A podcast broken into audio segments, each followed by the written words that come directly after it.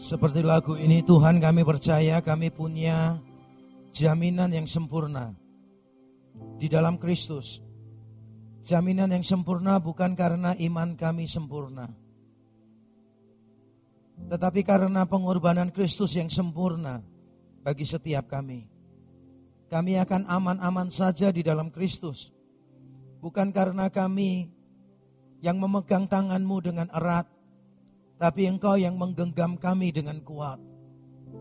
Tahun yang baru kami tidak tahu apa yang akan terjadi. Apakah tahun ini akan menjadi tahun yang lebih baik atau lebih buruk dari tahun sebelumnya. We don't know about the future. We don't know about tomorrow, but one thing that we know, you hold the future. Kami tahu engkau yang memegang masa depan kami. Dan itu cukup bagi kami ya Tuhan. Kami menenangkan hati kami, meneduhkan pikiran kami, supaya kami bisa mendengarkan suaramu dengan lebih jelas. Tolonglah kami semua, hambamu yang menyampaikan dan umatmu yang mendengar. Kami lemah, terbatas, dan berdosa. Kami berdoa kiranya semua itu tidak menghalangi kami untuk memahami firmanmu tanpa keliru, menerimanya dengan lemah lembut, dan untuk melakukannya dengan setia. Kami berdoa rohmu kiranya bekerja melampaui kata-kata hambamu, melampaui dari apa yang mampu kami doakan atau harapkan dari engkau. Bekerjalah ya Tuhan, kiranya Injil Yesus Kristus, kematian dan kebangkitannya, penebusannya yang sempurna dan beranugerah, diberitakan sejelas-jelasnya di antara kami. Terima kasih Tuhan. Sampaikan isi hatimu, kami siap untuk mendengar di dalam Kristus Yesus Tuhan. Amin. Amin. Nah shalom Bapak Ibu Saudara sekalian yang ada di Rekutisari maupun yang ada di rumah. Selamat tahun baru untuk kita semua, terutama bagi Bapak Ibu Saudara yang kemarin tidak hadir di dalam ibadah tahun baru. Selamat tahun baru. Dan seperti yang saya sampaikan kemarin, tema tahunan kita untuk 2022 adalah freedom in Christ, kebebasan di dalam Kristus. Dan kita memulai kemarin dengan memberitahu kita semua betapa pentingnya gereja untuk berpusat kepada Kristus. Kalau gereja tanpa Kristus, Christless church, itu berarti adalah careless church. Kita tidak mau jadi gereja yang ceroboh, yang careless. Karena itu kita tidak mau jadi gereja yang Christless. Nah di antara semua pemberitaan tentang kebebasan di dalam Kristus, minggu ini kita belajar satu tema yaitu kabar baik pembebasan. Dan saya ingin memulai dengan sebuah pertanyaan bagi kita semua. Kira-kira kabar apa yang Bapak Ibu Saudara paling tunggu tahun ini? Yang kira-kira kalau sampai keluar kabarnya kita semua itu bisa sampai lompat dan bersuka cita berkata yes gitu. Seandainya Bapak Ibu Saudara ini adalah wartawan sekaligus Tuhan. Bisa menulis berita apa pun dan bisa menjadikannya kenyataan Kira-kira berita apa yang akan dituliskan di sana? Mungkin yang jomblo akan berkata, ya tahun ini adalah tahun untuk mendapatkan pasangan. Masa Natal dua tahun lalu foto sama pohon Natal ya kan. Natal tahun kemarin foto sama Sinterklas gitu kan ya. Rasanya kepengen deh tahun ini tuh bener-bener ada yang gandeng, fotonya berdua gitu kan. Weh ternyata bener, nanti akhir tahun, wah digandeng cowok gitu kan. Tapi dalam drama Yesus dan Maria. Bukan di dalam kehidupan nyata gitu kan ya. Wah rasanya kok hambar banget gitu. Apa yang kita tunggu-tunggu? Apakah kita sedang menunggu kabar terbaru dari Tamasya ke bulan yang sedang diupayakan oleh perusahaan-perusahaan besar di Amerika? Orang rela membayar harga mahal bahkan sampai antri untuk tamasya seminggu di bulan. Dan seperti yang saya katakan kepada saudara, di dalam daftar antrian tidak ada orang Indonesia sama sekali. Karena kita tahu betapa sulitnya hidup dari bulan ke bulan.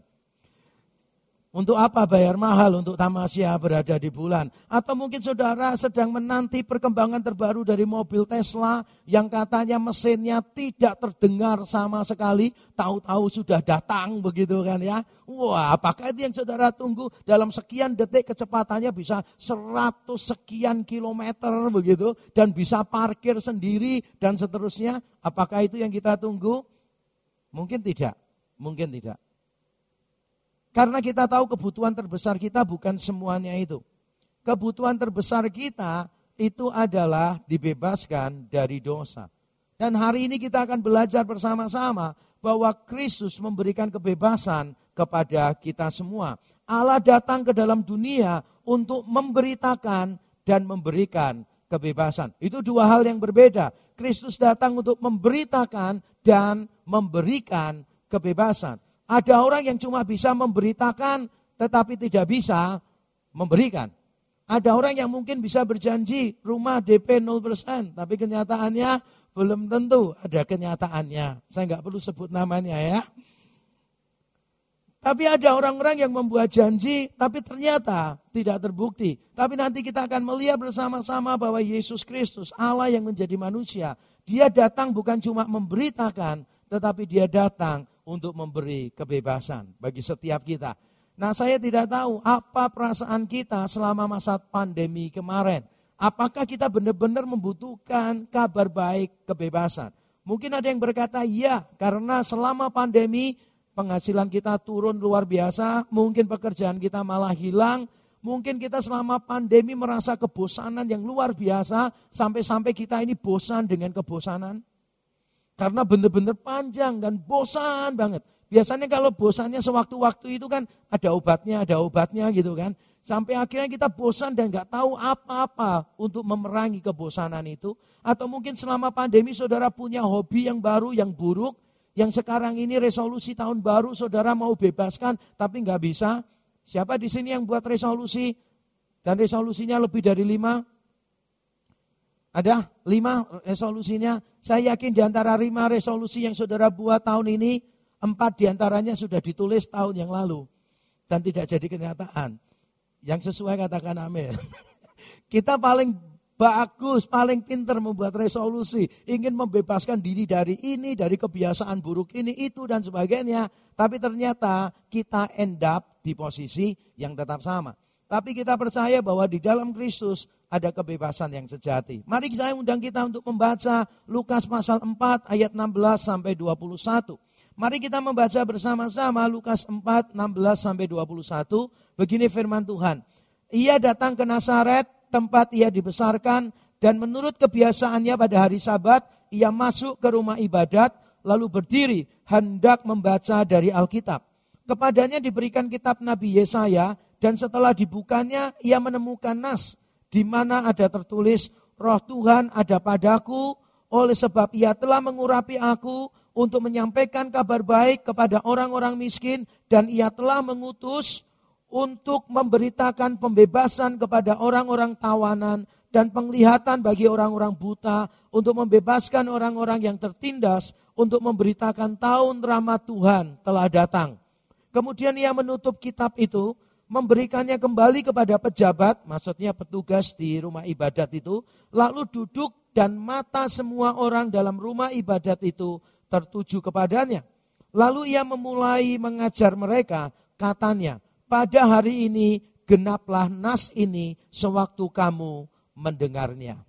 Amin. Amin. Teks yang kita baca berbicara tentang pelayanan Yesus pertama kali di kampung halamannya, bukan tempat kelahiran. Tempat kelahiran Bethlehem, ini kampung halaman tempat Yesus dibesarkan, yaitu Nazaret. Dia sering kali disebut dengan sebutan Yesus orang Nazaret. Muncul belasan kali di dalam perjanjian baru. Dia lahir di Bethlehem, besar di Nazaret. Dan kalau kita membaca ayat sebelum teks kita hari ini, kita menemukan Yesus itu sangat terkenal, sangat populer di seluruh provinsi Galilea. Kalau kita membaca ayat 14 15, dia sangat terkenal. Nah, sekarang ini dia datang ke kampung halamannya. Kira-kira bayangkan seandainya Michael Jordan, pemain basket legendaris dari Amerika, Seandainya dia kembali ke SD-nya dia atau ke SMP-nya dia, kira-kira dia akan bicara tentang apa? Tentu saja tentang basket, sekaligus jualan sepatunya dia. Mungkin. Tapi yang for sure dia bicara seputar basket. Bagaimana Lionel Messi kalau dia misalnya balik ke Argentina, dia mengunjungi klub sepak bolanya dia di sana, pasti dia bicara tentang sepak bola. Nah sekarang bayangkan Yesus, Yesus terkenal sekali di seluruh provinsi Galilea. Sekarang dia balik ke kampung halamannya. Kira-kira Yesus mau bicara tentang apa? Menarik untuk direnungkan. Karena dia punya banyak opsi kan. Mau bicara apa? Mau bicara apa saja itu Yesus bisa masalahnya. Tapi menariknya di antara semua yang Yesus bisa bicarakan, dia memilih satu tema, yaitu tentang pembebasan. Kabar baik, pembebasan, kelepasan. Dan ini luar biasa. Nah nanti kita akan lihat bersama-sama secara lebih mendetail, kita akan lihat Yesus sebagai pembebas seperti apa, kita akan melihat berita pembebasannya seperti apa. Tapi sebelumnya izinkan saya menerangkan sedikit tentang rumah ibadat Yahudi atau dikenal dengan nama sinagoge. Di Surabaya itu ada rumah ibadat orang Yahudi. By the way, ada. Nah, di kota lain juga ada tapi tidak banyak, tidak semua kota ada. Nah, apa yang dimaksud dengan sinagoge? Mari kita mulai dengan berkata begini. Sinagoge dan bait Allah itu beda. Bait Allah jumlahnya satu, sinagoge banyak. Bait Allah fokusnya pada persembahan korban, kalau di sinagoge fokusnya doa dan terutama pengajaran firman Tuhan. Kalau di bait Allah itu rame karena hari raya-hari raya dirayakan di situ, semua orang Yahudi bahasa Jawanya tumpak blek di bait Allah. Tapi kalau di sinagoge jumlahnya itu banyak. Menurut tradisi selama ada 10 laki-laki Yahudi bisa mendirikan satu sinagoge. Tapi kalau laki-lakinya kurang dari 10, walaupun wanitanya 50, tetap nggak bisa mendirikan sebuah sinagoge. Jadi kalau 10 laki-laki kumpul, itu namanya rumah ibadat orang Yahudi, sinagoge. Kalau 10 perempuan kumpul itu namanya arisan. Ya. Jadi memang sedikit berbeda dalam tradisi kuno dulu wanita tidak terlalu dihargai memang dalam budaya dulu, bukan menurut saya ya, bukan menurut saya. Nah, di dalam sinagoge yang dilakukan itu doa dan belajar firman. Biasanya di dalam ibadah di sinagoge dibacakan ulangan 6 ayat 4. Ada yang ngafal ulangan 6 ayat 4 apa bunyinya?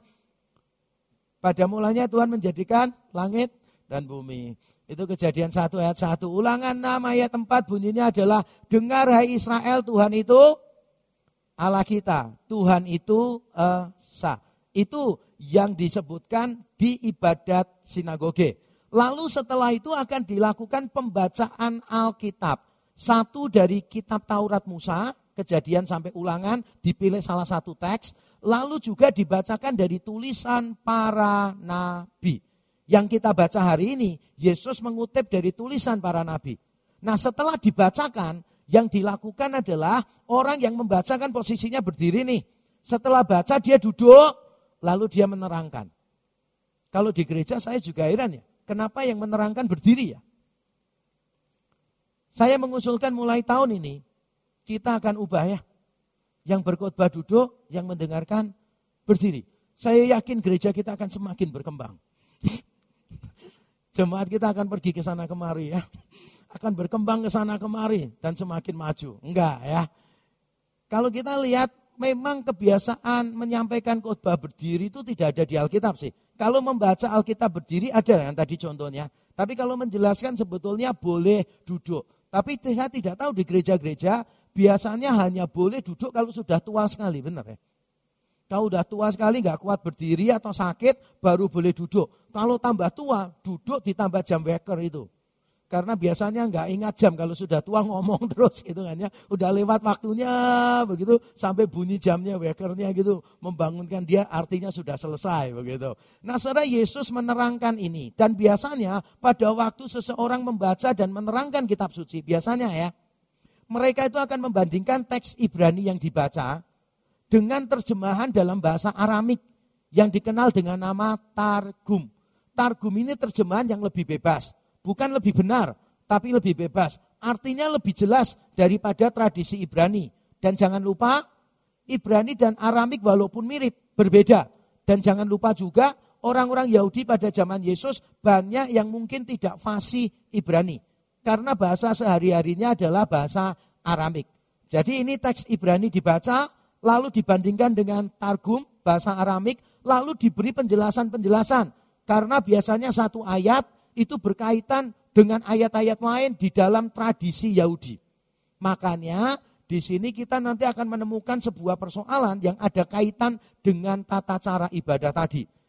Masalahnya apa? Masalahnya adalah begini. Kalau kita membaca kutipan di Lukas 4 ayat 18 dan 19, ternyata kita menemukan kutipan itu isinya beda dengan sumber kutipannya.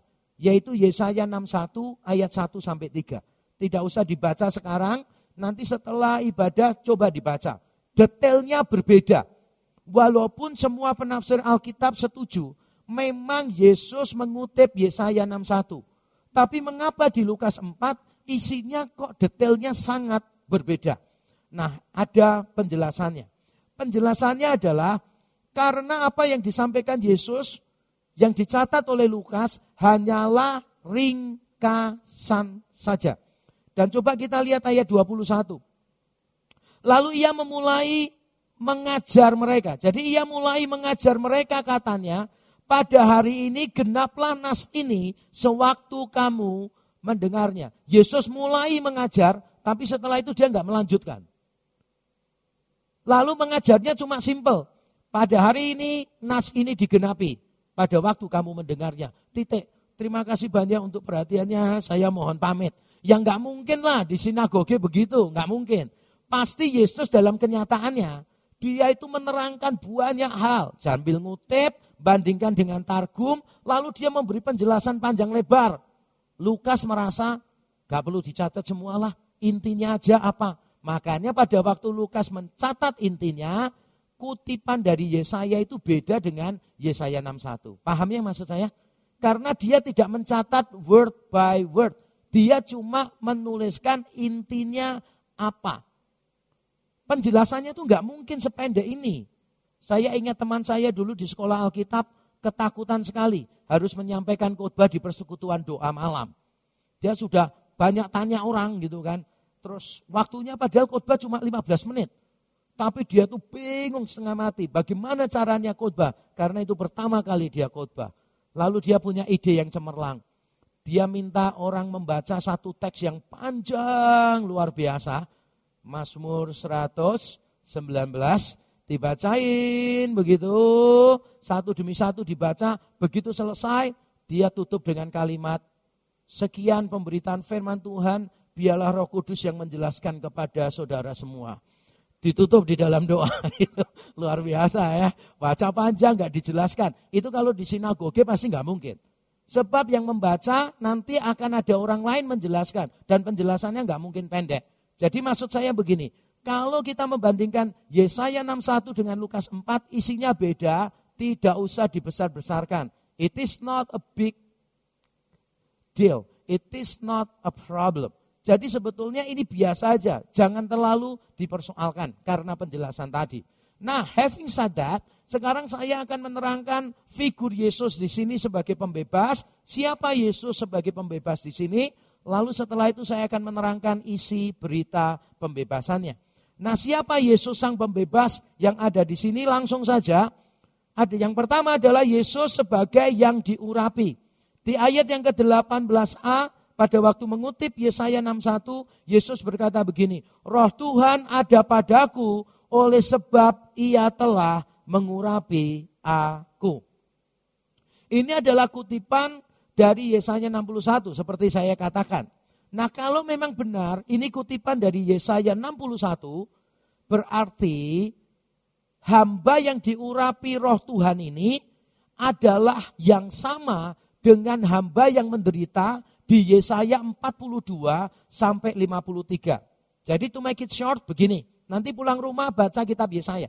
Kitab Yesaya berisi nubuatan tentang Mesias yang menderita, the suffering Messiah hamba yang menderita dari pasal 42 sampai 53. Nah di pasal 61 ternyata ada hamba yang lain yang diurapi oleh roh Tuhan. Dan ternyata ini bukan dua pribadi yang berbeda. Ini adalah dua pribadi yang sama. Jadi berbagai macam nubuat tentang Yesus, tentang Mesias, itu pertama kali disampaikannya terpecah-pecah begitu. Sporadis, random, tidak saling berkaitan, tapi di dalam kedaulatan Tuhan, semua nubuat itu merujuk pada satu orang. Dan itulah luar biasanya karya Allah di dalam hidup kita. Bayangkan begini ya, saya sering memakai ilustrasi ini untuk menerangkan. Yang sering ikut seminar saya, saya mohon maaf karena saya tidak bisa menemukan ilustrasi yang lebih baik. Selain yang saya buat sendiri. Bayangkan begini, kemungkinan saudara pergi ke mall menemukan perempuan besar atau kecil? Besar, karena di mall itu lebih banyak perempuan daripada laki. Kalau saya tambah, saudara kemungkinannya peluang menemukan perempuan di mall berambut panjang Besar atau kecil? Tetap besar karena perempuan lebih banyak yang berambut panjang daripada yang berambut pendek. Benar ya? Sekarang ini kalau saya lihat secara sekilas saja lebih banyak yang rambutnya panjang, melebihi bahu daripada yang di atas bahu. Oke, saya tambah. Perempuan dengan tinggi di atas 160. Wah, ini mulai lebih kecil nih. Karena perempuan Indonesia biasanya 160 ke bawah. Adalah ya banyak di sini 160 kan. Oke. Berarti kan jumlahnya semakin sedikit nih. Kemudian saya kasih tahu gini, perempuan yang berasal dari Jawa Tengah pergi ke mall misalnya begitu. Wah, jumlahnya tambah kecil lagi karena dari provinsi tertentu, yang lain tidak dihitung. Lalu Jawa Tengahnya itu adalah dari Pacitan misalnya begitu. Wah, tambah kecil lagi karena Pacitan kotanya kecil kan. Desa kecil di situ, kota kecil. Jadi kalau saya tambahkan dan perempuannya itu misalnya ini ya, punya pacar sebanyak lebih dari lima kali misalnya begitu. Wah itu kemungkinan tambah kecil. Semakin banyak variabel kita tambahkan, peluang untuk mendapatkan orang semacam itu semakin kecil. Paham maksud saya? Nah di dalam Alkitab, nubuat mesianis yang eksplisit itu jumlahnya puluhan. Yang tidak eksplisit itu jumlahnya menurut banyak penafsir itu ratusan. Ternyata yang mulanya terpisah-pisah digenapi di dalam diri Yesus. Termasuk saat ini yang kita lihat adalah hamba yang menderita the suffering Messiah, Mesias yang menderita di Yesaya 42 sampai 53 adalah sama dengan hamba yang diurapi Tuhan di Yesaya 61. Berarti itu karya Tuhan yang ajaib bagi kita. Nah Yesus disebut sebagai yang diurapi oleh roh kudus. Dan perhatikan baik-baik, hanya Lukas, hanya Lukas yang sangat menekankan Yesus penuh roh kudus.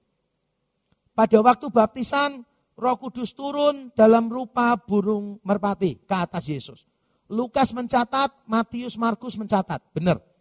Tapi setelah itu dikatakan begini, waktu Yesus dicobai, disebutkan Yesus yang penuh roh kudus. Dibawa oleh roh ke padang gurun untuk dicobai. Keterangan Yesus yang penuh roh kudus cuma ada di Injil Lukas tidak ada di Injil lain. Setelah Yesus dicobai, Yesus pergi ke Galilea, disebutkan begini di Lukas 4. Dalam kuasa roh, Yesus pergi ke Galilea. Keterangan dalam kuasa roh cuma ada di Injil Lukas, di tempat lain nggak ada. Jadi Lukas sangat menekankan Yesus penuh dengan Roh Kudus. Lukas itu paling karismatik. Jadi nanti kalau kita sampai ke surga, kita lihat semua penulis Alkitab berkumpul bersama-sama dan orangnya paling semangat begitu kan ya. Wah itu pasti tebak itu Lukas. Karena dia paling karismatik bicara tentang penuh roh kudus. Berkali-kali dalam Injil Lukas termasuk di dalam kisah para rasul. Berkali-kali. Makanya kalau ada orang yang berkata begini. Penuh roh kudus itu harus berbahasa roh. Dasarnya apa? Kisah Rasul 2, Pentakosta. Pada waktu Pentakosta murid-murid penuh roh kudus berbahasa roh. Banyak teman saya punya pandangan gitu. Biasanya saya tanya, kamu nggak baca kah? Di kisah Rasul 2 itu tandanya tiga kan. Penuh roh kudus tandanya satu apa? Berbahasa asing, berbahasa roh. Dua ada lidah-lidah seperti api. Ketiga ada suara keras gitu kan dari surga. Jadi kalau ada teman saya ngotot penuh roh kudus harus bahasa roh biasanya saya tanya, di kepalamu ada lidah-lidah api enggak? Enggak. Ada suara yang keras enggak? Enggak. Berarti kamu sepertiga, enggak benar-benar penuh. Sebab kalau penuh harus ada tiga-tiganya. Menurut saya konyol ya, memaksakan penuh roh kudus harus berbahasa roh itu konyol. Karena Yesus penuh roh kudus dan tidak pernah dicatat Yesus berbahasa roh. Bahkan Yohanes Pembaptis di Lukas 1 disebutkan sejak dari rahim ibunya dia penuh roh kudus. Nah kalau penuh roh kudus harus berbahasa roh, bunyinya kayak apa coba? Di dalam jan, masih janin di dalam air ketuban itu berbahasa roh bunyinya apa? Ya pasti bukan 11, 12, 13 gitu, bukan. Tapi bulu kutuk, bulu kutuk gitu. Enggak lah ya, itu pandangan yang konyol menurut saya. Anyway, Yesus ini adalah orang yang diurapi oleh Tuhan. Yang kedua saudara, dia diurapi untuk apa? Yaitu Yesus sebagai pemberita. Tadi dikatakan Yesus diurapi untuk apa? Untuk menyampaikan kabar baik. Gelisastai dan untuk memberitakan keruksai. Munculnya dua kali. Jadi tiga kali disebutkan Yesus diurapi untuk apa? Yesus diurapi untuk memberitakan kabar baik. Untuk menyampaikan kabar baik. Dan kalau sampai dijelaskan tiga kali, berarti itu penting sekali. Khotbah pertama di kampung halamannya, Yesus fokus pada kabar baik pembebasan dan dia menyebutkan dirinya sebagai pembawa kabar baik. Saya mau berkata begini, mengingatkan kepada kita. Yesus bukan hanya inti dari berita Injil tetapi dia juga sang pemberita Injil. Yesus bukan cuma inti dari berita Injil, kematian dan kebangkitannya itu Injil yang tiap minggu kita dengarkan di sini, yang tiap minggu kita nyanyikan di gedung gereja ini, di dalam ibadah kita di sini. Itu berita Injil. Yesus memang inti dari berita Injil, tetapi dia juga pemberita Injil. Makanya sangat ironis kalau kita di sini setiap minggu selalu merayakan Injil. Kita selalu celebrate the gospel of Jesus Christ. Kita selalu mengumandangkan lewat lagu-lagu kita, diberitakan di firman Tuhan. Kita benar-benar bersyukur untuk kematian dan kebangkitan Tuhan. Tapi ironisnya apa? Begitu keluar dari gedung ini, kita tidak memberitakan Injil. Begitu keluar dari gedung ini, mulut kita bungkam, Padahal kita ketemu orang lain, sahabat kita, keluarga kita yang belum mendapatkan kabar baik, yang belum percaya kepada Yesus Kristus sebagai Tuhan dan Juru Selamat. Dan kita merasa tidak harus kok. Kita merasa enggan, kita merasa baik-baik saja kok sebagai orang Kristen, gak usah beritakan Injil, nanti tugasnya roh kudus. Makanya dulu saya pernah nyebut salah satu doa yang paling salah dan paling kurang ajar yang dilakukan banyak orang Kristen itu begini, Tuhan, aku berdoa, masih banyak orang di luar sana Tuhan. Di pedalaman-pedalaman yang belum mendengarkan Injil, aku berdoa kiranya Tuhan pergi dan menjamah mereka. Itu doa yang kurang ajar. Sih. Karena Tuhan berkata, pergilah, jadikanlah semua bangsa muridku. Lalu kita berdoa, Tuhan kiranya engkau pergi dan menjamah mereka gitu. Terus siapa merintah siapa ini sebetulnya? Mungkin kita tidak harus ke pedalaman, tapi orang-orang di sekeliling kita loh banyak yang belum mendengarkan Injil. Saudara coba saya tanya ya tahun kemarin 2021. Berapa orang yang mendengarkan Injil dari mulut kita? Coba. Kita sering kali merayakan Injil tapi kita tidak merasa terdorong untuk memberitakan Injil. Lalu berkatanya begini, Tuhan aku mau menjadi seperti Yesus. Yang benar aja, Yesus itu bukan cuma inti berita Injil, tapi dia sang pemberita Injil itu. Kalau mau menjadi seperti Yesus, berarti kita bukan cuma menikmati Injil, tapi menjadi pemberita Injil. Yesus diurapi untuk menjadi pemberita, tapi tidak berhenti sampai di situ, saudara. Yesus juga sebagai penggenap. Yesus berkata, hari ini, nats ini genaplah pada waktu kamu mendengarnya. Teks kita hari ini ayat 21 ditutup dengan kalimat itu Yesus berkata, hari ini teks ini genap.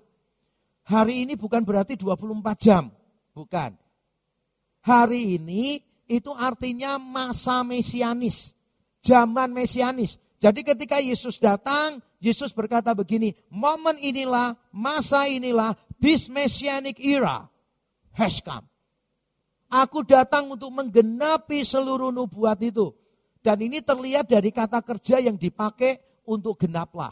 Dalam teks Yunani, kata genaplah di sana itu memakai tenses perfect dalam bahasa Yunani, artinya macam-macam fungsinya beragam, tapi dalam konteks ini itu bukan merujuk pada satu tindakan, tapi merujuk pada satu tindakan yang berkelanjutan. Yesus sudah memulai pada waktu dia memberitakan Injil, pada waktu dia dibaptis, dia sudah mulai menggenapi. Nanti pada waktu dia naik ke surga, pada waktu dia bangkit dari antara orang mati, dia menggenapkan seluruhnya. Kalau saudara nanti pulang rumah baca Lukas 24, pasal terakhir dari Injil Lukas.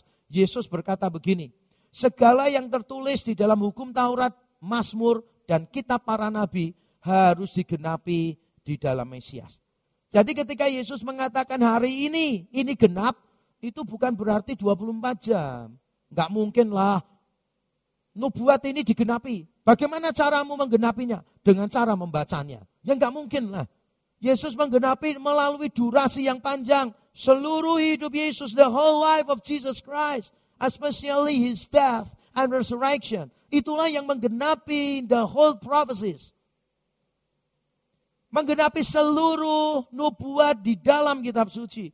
Jadi Yesus kita itu luar biasa saudara. Yesus bukan hanya sebagai proklamator. Tetapi juga eksekutor janji-janji Allah.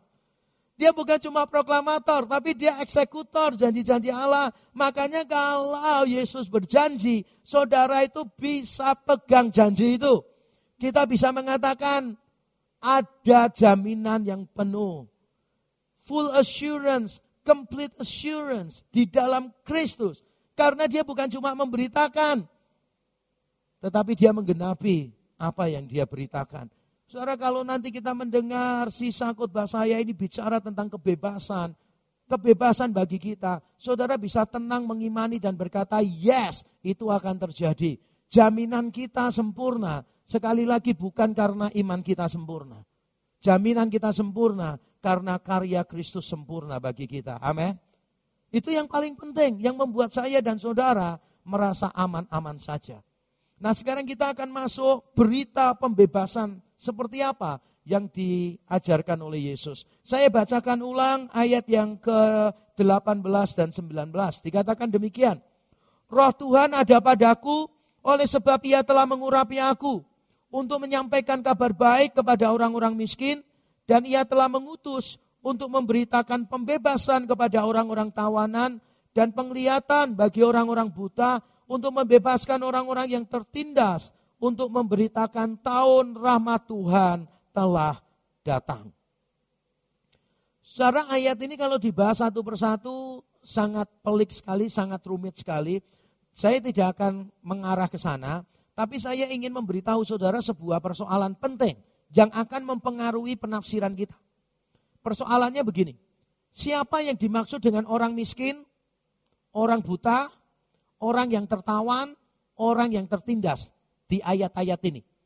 Apakah Yesus memaknainya itu secara hurufiah, secara jasmani, atau secara kiasan, secara rohani? Mana yang dimaksud oleh Yesus? Ini pertanyaan penting yang berkaitan dengan khotbah saya. Apakah ketika Yesus mengatakan dia memberikan penglihatan kepada orang buta, yang dimaksud adalah buta secara fisik atau buta secara rohani? Dia memberikan kabar baik kepada orang miskin, apakah orang yang tidak punya duit, tidak punya harta, atau orang yang miskin di hadapan Allah, miskin secara rohani. Siapa yang dimaksud orang yang tertawan dan tertindas ini? Para penafsir Alkitab berbeda pendapat. Mereka yang suka teologi pembebasan gitu kan. Yesus datang sebagai tokoh politik, Yesus datang sebagai reformator sosial, Yesus datang mengobrak-abrikkan tatanan sosial. Salah satu ayat favorit mereka adalah ini. Tapi ada orang-orang Kristen lain yang tidak peduli dengan hal-hal sosial. Yesus datang memulihkan kita, relasi kita dengan Tuhan. Udah spiritualitas itu tentang kita dan Tuhan, bukan tentang yang lain-lain. Nah, ini dua ekstrim. Nah, kita akan melihat sebetulnya orang-orang yang dimaksud di sini itu secara rohani atau secara jasmani, hurufiah atau kiasan. Nah jawaban saya adalah begini. Terutama yang dimaksud di sini adalah secara rohani, kiasan. Tetapi bukan berarti yang jasmani diabaikan. Jadi saya ulang sekali lagi pandangan saya, terutama yang disorot di sini adalah arti secara rohani, tapi arti secara jasmani juga tidak dibuang. Bagaimana bisa? Mari sabar, saya terangkan satu persatu. Saya pertama akan menerangkan dulu bahwa teks ini kalau ditafsirkan secara hurufiah, secara jasmani bermasalah. Kenapa bermasalah? Coba kita lihat ya. Yesaya 61 ayat 1 sampai 3 yang dikutip ditujukannya kepada seluruh bangsa Yehuda pada masa pembuangan, bukan kelompok tertentu, tetapi kepada semua bangsa Yehuda. Dan yang lebih kuat menurut saya, Yesaya 61 ayat 3 sudah pasti kiasan. Saya bacakan Yesaya 61 ayat 3. Untuk mengaruniakan kepada mereka perhiasan kepala ganti abu, minyak untuk pesta ganti kain kabung, nyanyian puji-pujian ganti semangat yang pudar, supaya orang menyebut mereka pohon tarbantin kebenaran, tanaman Tuhan untuk memperlihatkan keagungannya. Pohon tarbantin kebenaran, sudah jelas kiasan. Tanaman kesukaan Tuhan sudah pasti kiasan. Lalu perhiasan kepala menggantikan abu di kepala, itu sudah pasti kiasan karena disejajarkan dengan minyak digan, menggantikan pakaian kabung. Intinya cuma satu, penderitaan diganti dengan kebahagiaan, duka cita diganti dengan sukacita. Semuanya kiasan. Yesaya tidak menunjukkan nubuatannya kepada orang-orang tertentu, orang yang miskin, gak punya duit, atau orang yang cacat buta. Tidak. Dia menunjukkannya kepada semua bangsa Yehuda tidak peduli keadaan mereka seperti apa. Dan secara khusus Yesaya 61 ayat 3 memang kiasan. Tapi kalau ada orang yang tetap ngotot, tidak, ini harus jasmani, harus hurufiah, maka mereka justru akan mengalami kesulitan untuk memahami Lukas 4. Karena Yesus bukan cuma memberikan penglihatan kepada orang buta, yang dia lakukan lewat mujizatnya, dia bukan cuma memberitakan kabar baik kepada orang miskin, tapi di situ disebutkan apa? Dia memberikan kabar baik kepada orang-orang yang tertindas, kepada orang-orang yang tertawan. Kalau tertindas dan tertawan ditafsirkan secara hurufiah, berarti kan artinya penjara dan penjajahan Romawi. Kalau hurufiah. Sekarang saya tanya, berapa banyak orang di penjara yang dibebaskan oleh Yesus selama Yesus ada di dunia? Enggak ada. Apakah Yesus datang memporak-porandakan pemerintah Romawi menggantinya dengan pemerintahan yang baru? Tidak. Jadi kalau ini ditafsirkan absolut mutlak jasmani atau dominannya secara jasmani, malah Yesus tidak menepati janjinya. Jadi saya lebih setuju ini sebetulnya secara dominan adalah kepada orang-orang secara rohani miskin di hadapan Allah, buta secara rohani, tertawan, tertindas oleh dosa, oleh kejahatan, oleh yang lain-lain. Secara rohani. Tapi apakah berarti makna yang jasmaninya tidak ada sama sekali? Menurut saya juga tidak kok. Karena Lukas itu pernah menggabungkan jasmani dan rohani dalam satu teks. Yaitu di dalam Lukas pasal yang ketujuh ayat 22 dan 23. Waktu Yohanes Pembaptis di penjara, lama tidak keluar-keluar, dia mulai patah semangat, ragu-ragu Yesus itu Mesias enggak ya? Dan ini jawaban Yesus. Pergilah dan katakanlah kepada Yohanes apa yang kamu lihat dan kamu dengar. Orang buta melihat, benar-benar buta enggak? Benar, Yesus melakukan mujizat itu. Orang lumpuh berjalan, orang kusta menjadi tahir, orang tuli mendengar, orang mati dibangkitkan. Benar ini. Lalu ditutup dengan kalimat ini dan kepada orang miskin diberitakan kabar baik. Ini merujuk balik pada Yesaya 61. Walaupun tidak lengkap, tidak eksplisit, tapi merujuk balik pada Yesaya 61. Jadi Lukas ketika melihat semua mujizat Yesus yang benar-benar menyembuhkan orang cacat secara fisik, Lukas mengaitkan itu dengan Yesaya 61. Berarti dalam pikiran Lukas memang ada makna rohani dan ada makna jasmani.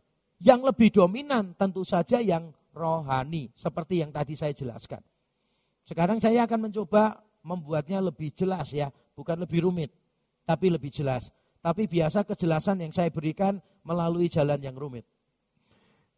The only way untuk membuat sesuatu menjadi jelas adalah dengan membahas, dengan menguraikan kerumitannya. Tapi saya tidak akan sampai ke sana ya. Jadi saya akan sederhanakan begini.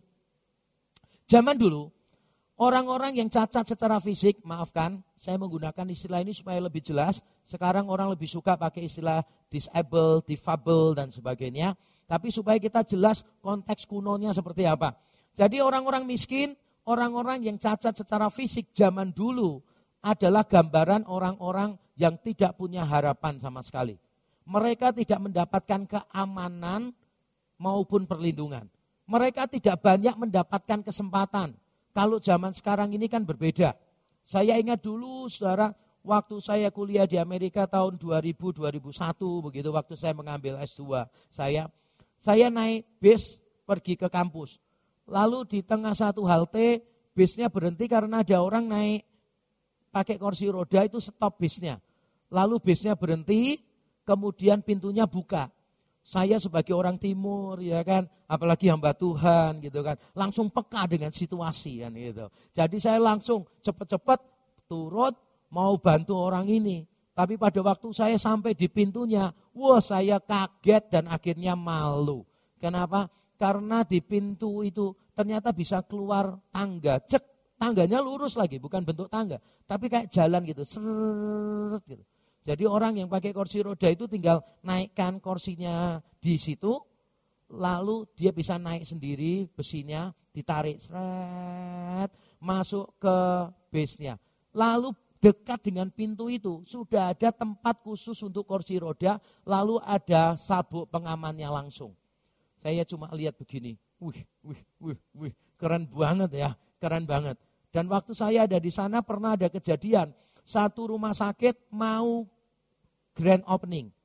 Tapi akhirnya berapa hari sebelum grand opening, malah rumah sakit itu diancam, diperkarakan di pengadilan. Gara-gara apa? Karena di pintu-pintu masuk di rumah sakit itu, salah satu pintu masuk itu tidak ada tempat untuk kursi roda. Dipersoalkan. Dan saya sangat mendukung upaya-upaya untuk memperhatikan dan untuk mengasihi, memberikan akses yang lebih mudah kepada orang-orang yang berkekurangan secara fisik. Saya sangat mendukung. Tetapi zaman dulu ceritanya tidak begitu. Ceritanya kalau kita miskin gak punya duit, kita cacat secara fisik, berarti kita nggak punya keamanan, nggak punya perlindungan, nggak punya kesempatan, nggak punya semuanya. Berarti harapannya cuma satu, yaitu kepada Tuhan.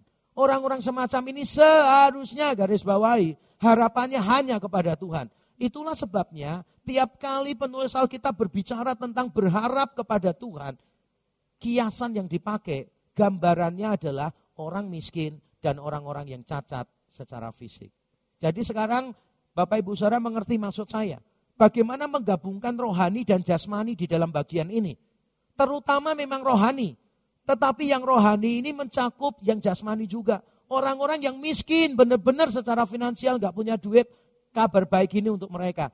Tapi bagi kita yang punya duit, tapi kita miskin di hadapan Allah, merasa tidak mampu melakukan apa pun dalam hidup ini, saudara ketakutan menghadapi tahun yang baru. Saudara juga masuk di dalam kabar baik ini.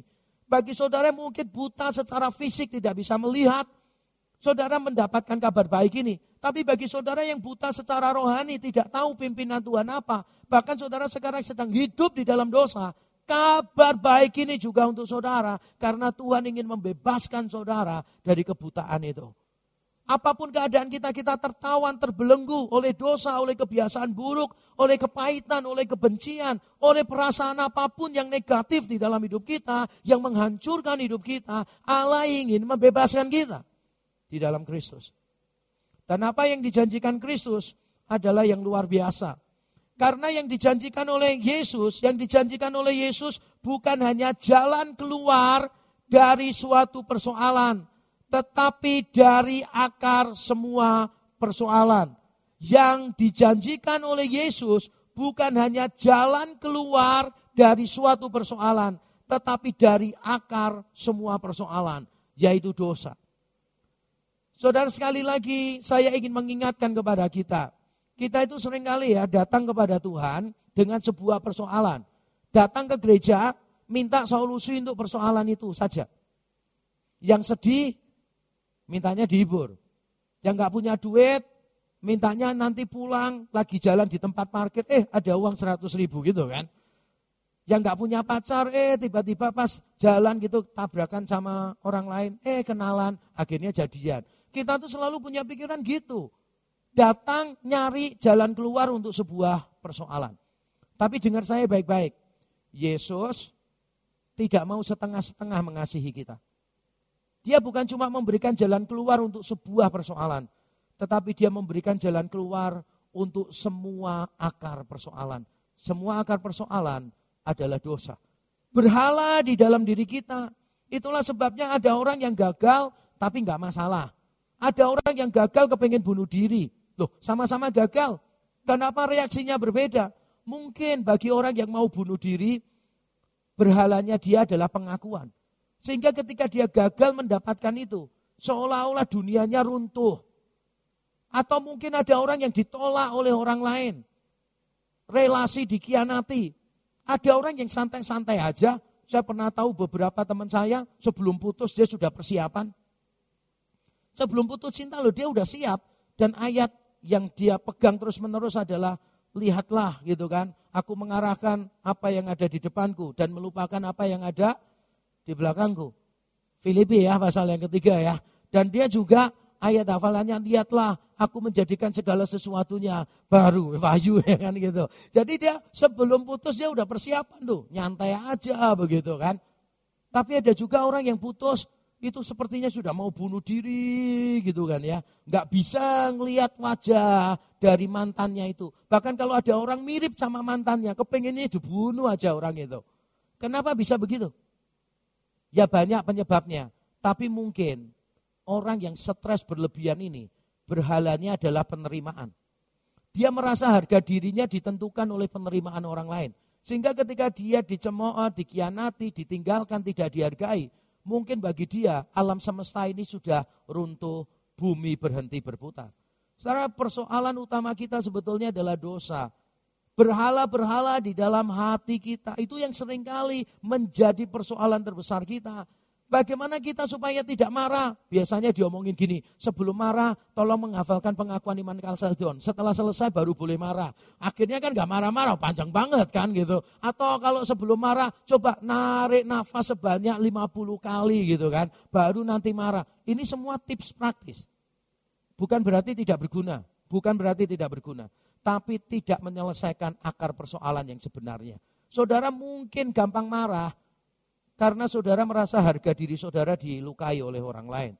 Mungkin saudara gampang marah karena saudara itu kepengen punya kontrol atas segala sesuatu. Sehingga ketika ada orang tidak nurut kepada saudara, saudara marah karena berhalamu adalah kontrol. Atau mungkin kesombonganmu itulah yang menjadi persoalannya. Sehingga ketika ada orang tidak setuju, engkau merasa diserang, engkau merasa direndahkan.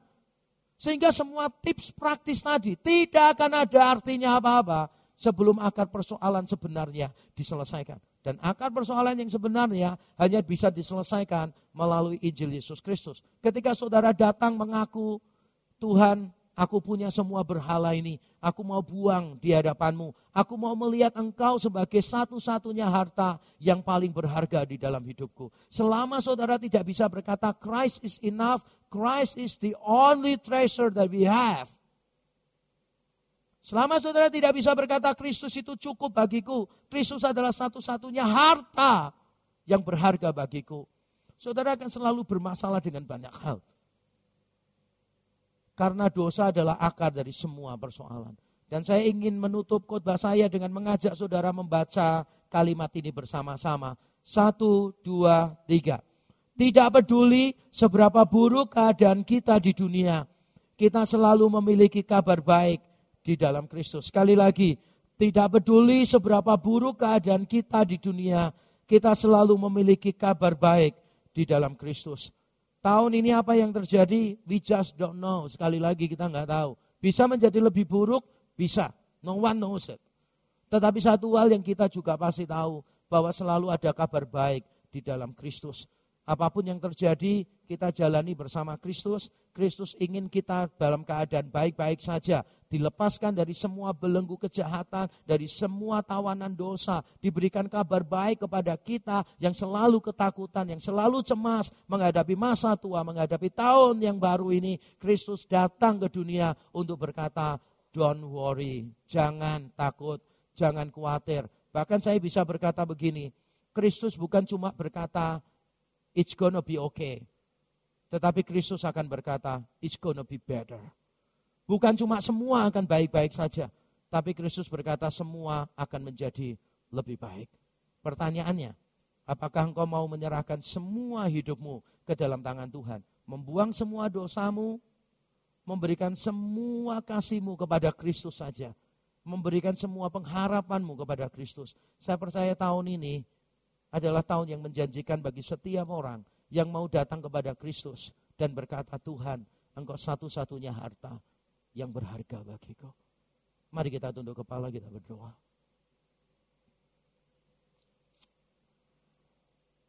Bapa di surga kami bersyukur untuk firman-Mu ya Tuhan. Sungguh kami bersyukur. Kami mohon ampun juga di hadapan-Mu kalau selama ini kebebasan di dalam Kristus yang sudah berkali-kali diberitakan, yang sudah kami alami bahkan. Seringkali tidak nampak secara jelas di dalam kehidupan kami. Kami membiarkan diri kami dikuasai oleh dosa, dikuasai oleh kebiasaan-kebiasaan buruk tertentu, karakter yang buruk, pemikiran yang buruk, hati yang buruk. Kami mau datang kepadamu, menyerahkan semua dosa kami, belenggu kami, tawanan kami ke dalam tanganmu. Kami mau mengakui bahwa kami tidak bisa melakukan apa pun tanpa Tuhan. Kami mau datang kepadamu dan mengaku Tuhan kami takut menjalani tahun baru ini. Tapi bersama dengan Engkau kami akan baik-baik saja. Tuhan kami datang kepadamu menyerahkan perjalanan kami yang masih panjang di tahun 2022 ke dalam tanganmu. Tidak peduli jalan seperti apa yang kami lalui. Yang penting dengan siapa kami berjalan. Yaitu dengan Yesus Gembala Agung kami yang sudah memberikan nyawanya bagi kami. Kami sungguh bersyukur kepadamu Tuhan. Persoalan kami yang terbesar yaitu dosa sudah dibereskan Tuhan di atas kayu salib dan ketakutan kami yang terbesar yaitu kematian maut telah dikalahkan Tuhan di dalam kubur yang kosong. Tidak ada alasan bagi kami untuk dikuasai ketakutan lagi. Kami bebas di dalam Kristus, bebas dari dosa, dari kekecewaan, dari kepahitan, dari kebencian, dari kebiasaan buruk, dari ketakutan, dari kekhawatiran dan kecemasan. Kami bebas di dalam Kristus. Karena engkau bukan cuma memberitakan, tapi engkau menggenapi bagi kami. Bagi kami yang sudah bebas di dalam Kristus, ajar kami untuk berani memberitakan Injil.